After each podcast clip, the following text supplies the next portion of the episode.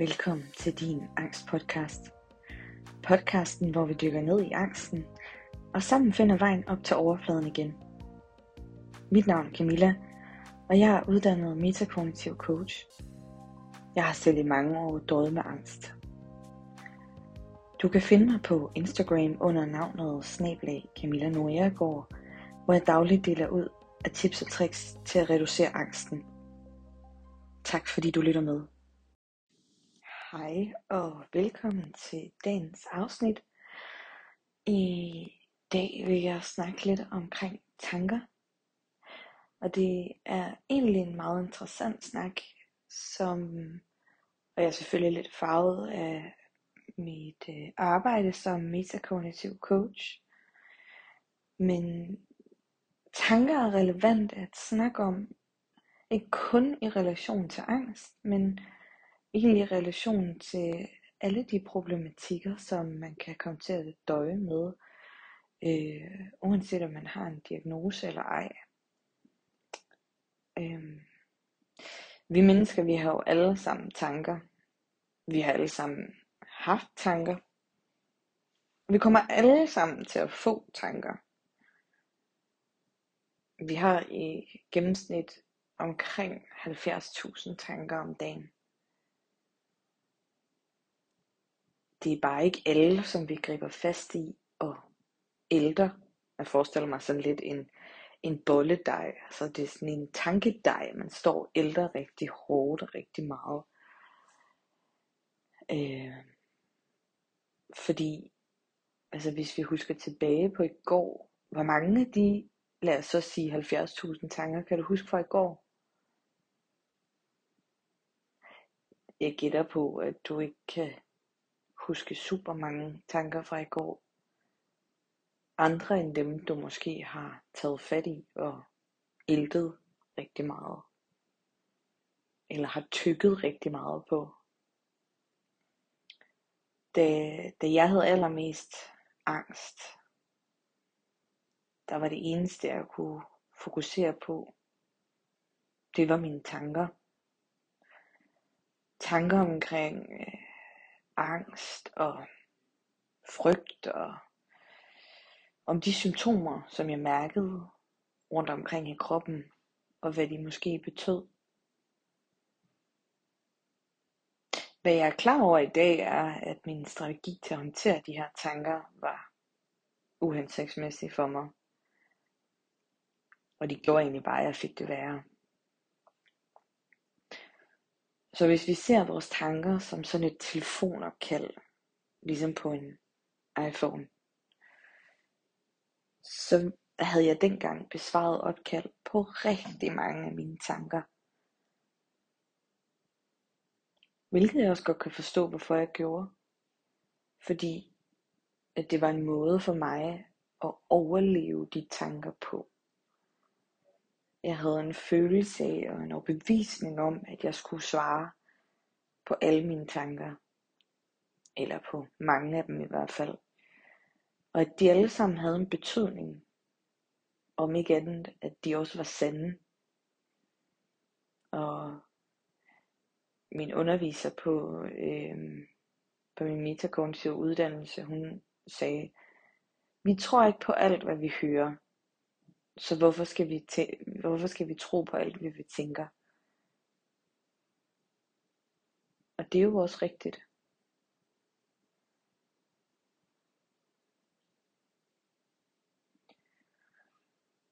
Men de her strategier, det kan ofte føles som om, at de hjælper os med et eller andet. De hjælper os med at håndtere eller undgå de negative eller angstfyldte tanker. Tilfældet er desværre oftest det modsatte. Sådan var det i hvert fald for mig. Øh, hvor jeg oplevede, at jeg fik det værre og værre, og at det kørte i cirkel, og i cirkel, og i cirkel. Og det er slet ikke fordi, der er noget i vejen med at bruge de her strategier. Men som med alt andet, så handler det jo om at gøre det med moderation. så det ikke sådan bliver alt gennemsyrende og overtager ens hverdag. Så hvad, hvad er det for nogle strategier, som, som jeg forsøger at snakke om? Øh, jo, den første strategi er grublerier, hvilket er en strategi, der foregår bagudskuende, altså i fortiden. Og det handler meget om at stille øh, et hvorfor spørgsmål. Det kan det i hvert fald gøre. Øh, det er sådan noget, hvorfor skete det? Hvorfor sagde hun sådan? Hvorfor er jeg altid så klodset? Og behøver ikke altid at være så ekstrem i dens karakter. Det kan også være alle mulige andre hvorfor spørgsmål. Øhm. Og så er der en strategi, der handler om bekymringer, som er en strategi, der foregår fremadskuende, altså i fremtiden, og går meget på, hvad nu hvis. Hvad nu hvis jeg har kraft? Hvad nu hvis jeg kommer for sent? Hvad nu hvis der sker mig noget? Eller hvad nu hvis jeg falder? Altså alle de her spørgsmål, som handler om et eller andet, der sker i fremtiden. Der er nok rigtig mange med angst, der kan genkende den her hvad nu hvis. Så er der også en tjekkeadfærd, som også er en strategi. Og det handler egentlig meget om at tjekke ind med, med mange ting. Det kan være, hvordan er mit humør i dag i forhold til i går. Og nu tror jeg, at jeg blev lidt mere angst, end jeg var tidligere. Oh, bare det nu ikke eskalerer. Eller hvad nu hvis det eskalerer? Så er man i bekymring, ikke? Eller hvad er det, jeg mærker? Har jeg mere hjertebanken nu, end jeg havde i går?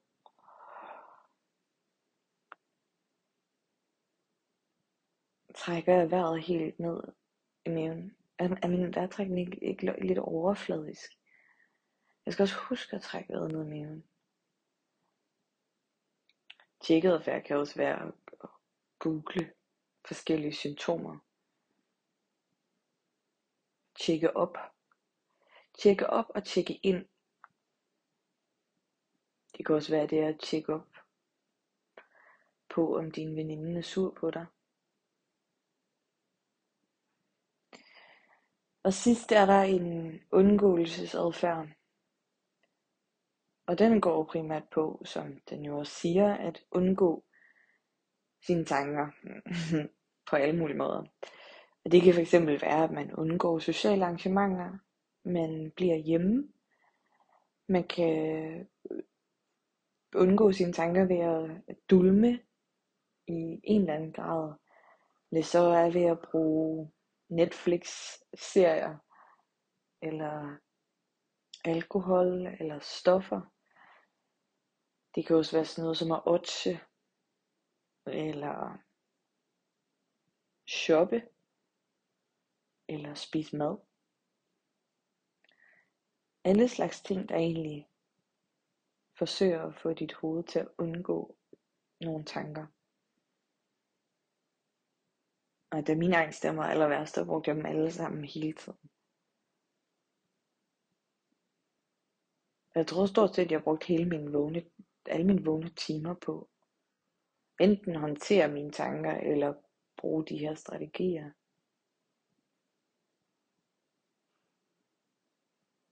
Jeg vil få en tanke om noget, der skete i min krop, der føltes unormalt. Jeg tænkte meget hurtigt, hvorfor skal jeg nu til at døje med det? Hvorfor skal jeg altid døje, døje med noget, der er jeg i grubleri. Det går meget hurtigt over på, hvad nu hvis jeg bliver dårlig? Hvad nu hvis jeg skal til at være syg? Hvad nu hvis der sker mig noget? Eller hvad nu hvis jeg dør? Der er jeg i bekymring. Fordi det foregår i fremtiden. Så vil jeg begynde at tjekke ind i min krop. Se om der var nogle andre ting, jeg mærkede, der var mærkeligt.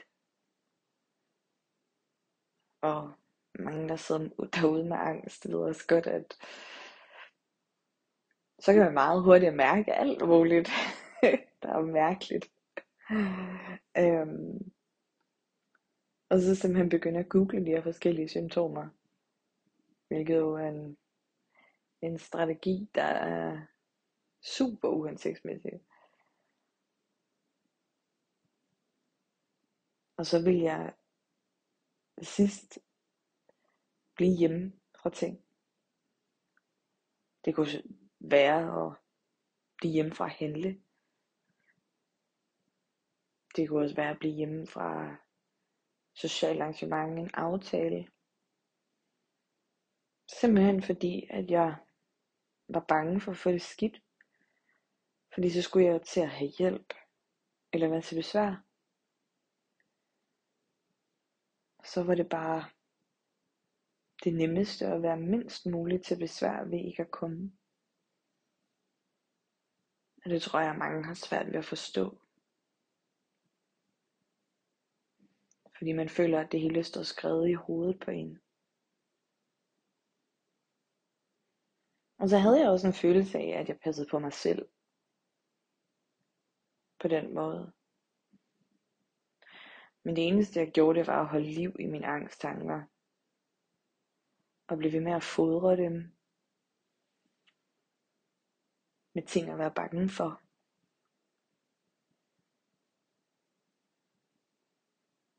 Og fordi at jeg igennem lang tid blev meget vant til at, så at sige, besvare de samme tanker, så var det også ofte de tanker, jeg tænkte. Så var der også angsttanker, der fyldte. Og hvis man ser det sådan, at, at tanker er ligesom med sådan et running sushi bånd, så spiste jeg alle dem, Ja, alle de sushi-stykker, jeg ikke kan lide. Så nogle med, med sådan nogle fiskerovn ovenpå. Jeg sad bare kørt ind. Og hvad tror I, at sushi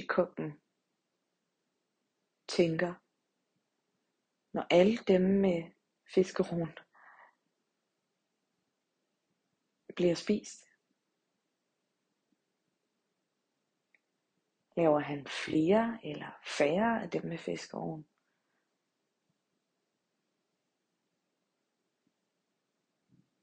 Nej, han laver flere med dem med fiskeovn, fordi han ser det går som varmt brød. Så han laver selvfølgelig flere.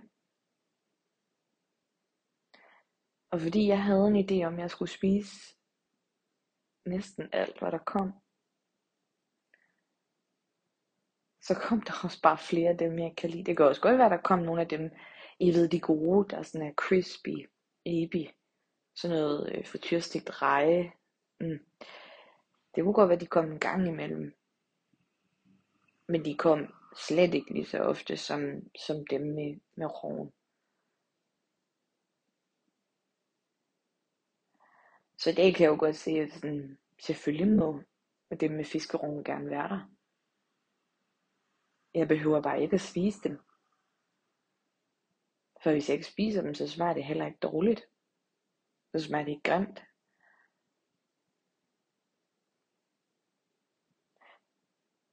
Jeg kan godt vælge at spise dem. Men det er mit valg, om jeg har lyst til at spise den eller ej. Jeg kan også sidde og vente på, at der kommer en med frityrstegt reje, som jeg rigtig godt kan lide.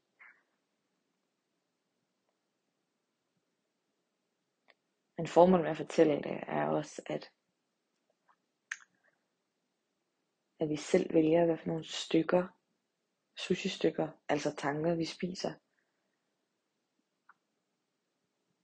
Og min indre sushi-kok har bare, været, har bare set, at alle de dårlige og alle de angstfyldte stykker er blevet spist. Så han er blevet bekræftet i, at han skulle sende flere angststykker ud. Og så har jeg jo tænkt, at jeg skulle spise flere, for at der så kom nogle andre stykker, som jeg godt kunne lide. Men hvad nu hvis, at man ikke spiser nogle af de dårlige stykker? Hvad tror I så, at sushi-kongen vil tænke?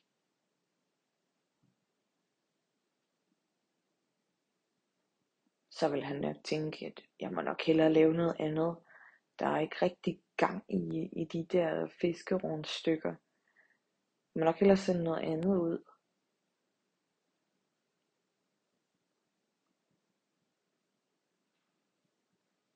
Så det var en lille øh, fortælling om min sushi-bånd.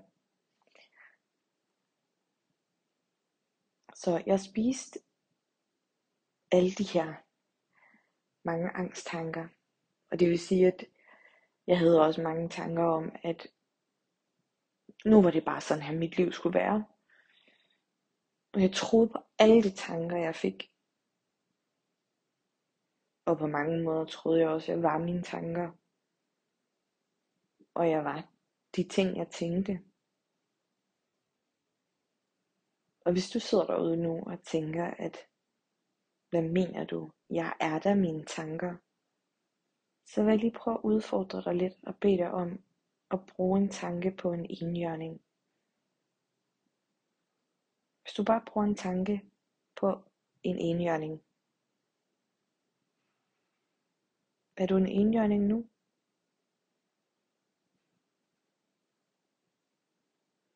Jeg tvivler på, at du siger ja.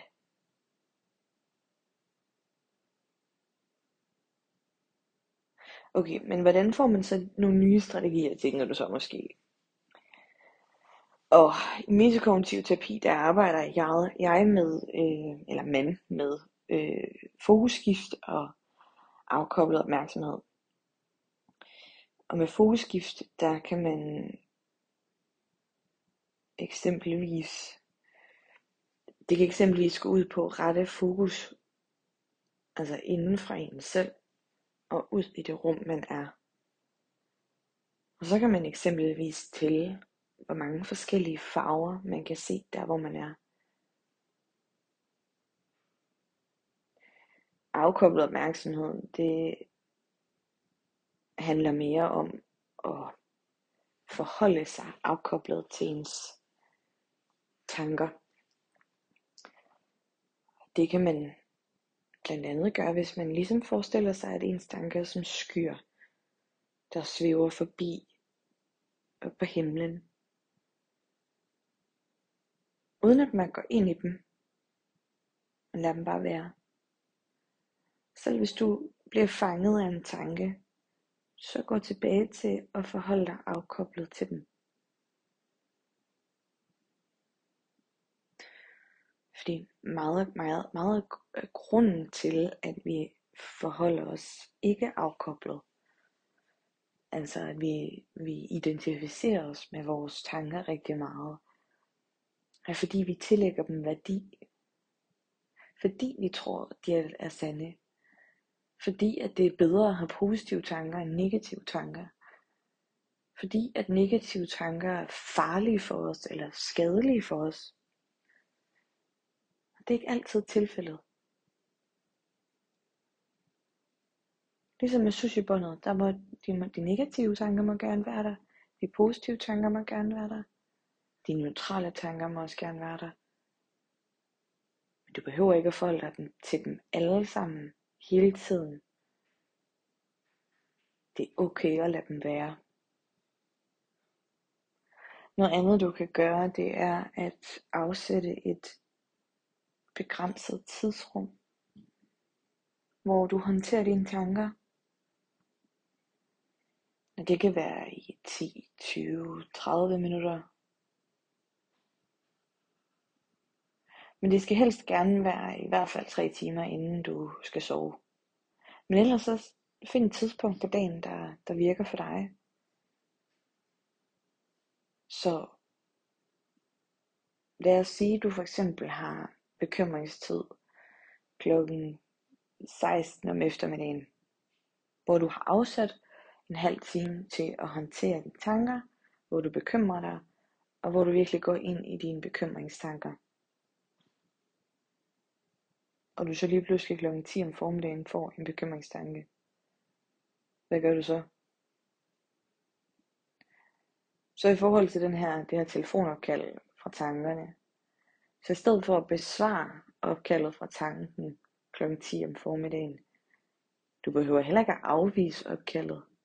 Der er sådan en funktion i hvert fald på iPhone, hvor at du kan gå ind og sende en sådan en speciel besked, der kommer frem til modtageren, der hedder, jeg ringer lige tilbage senere.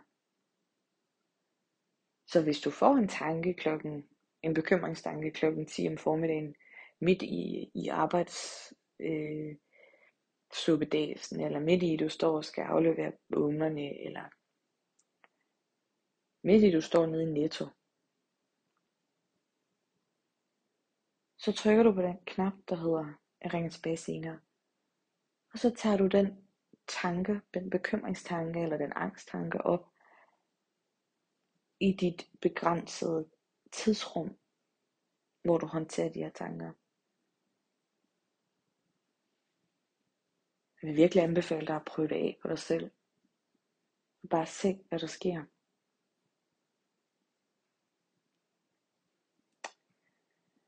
Det var alt for dagens afsnit. Jeg er simpelthen så glad for, at du lyttede med.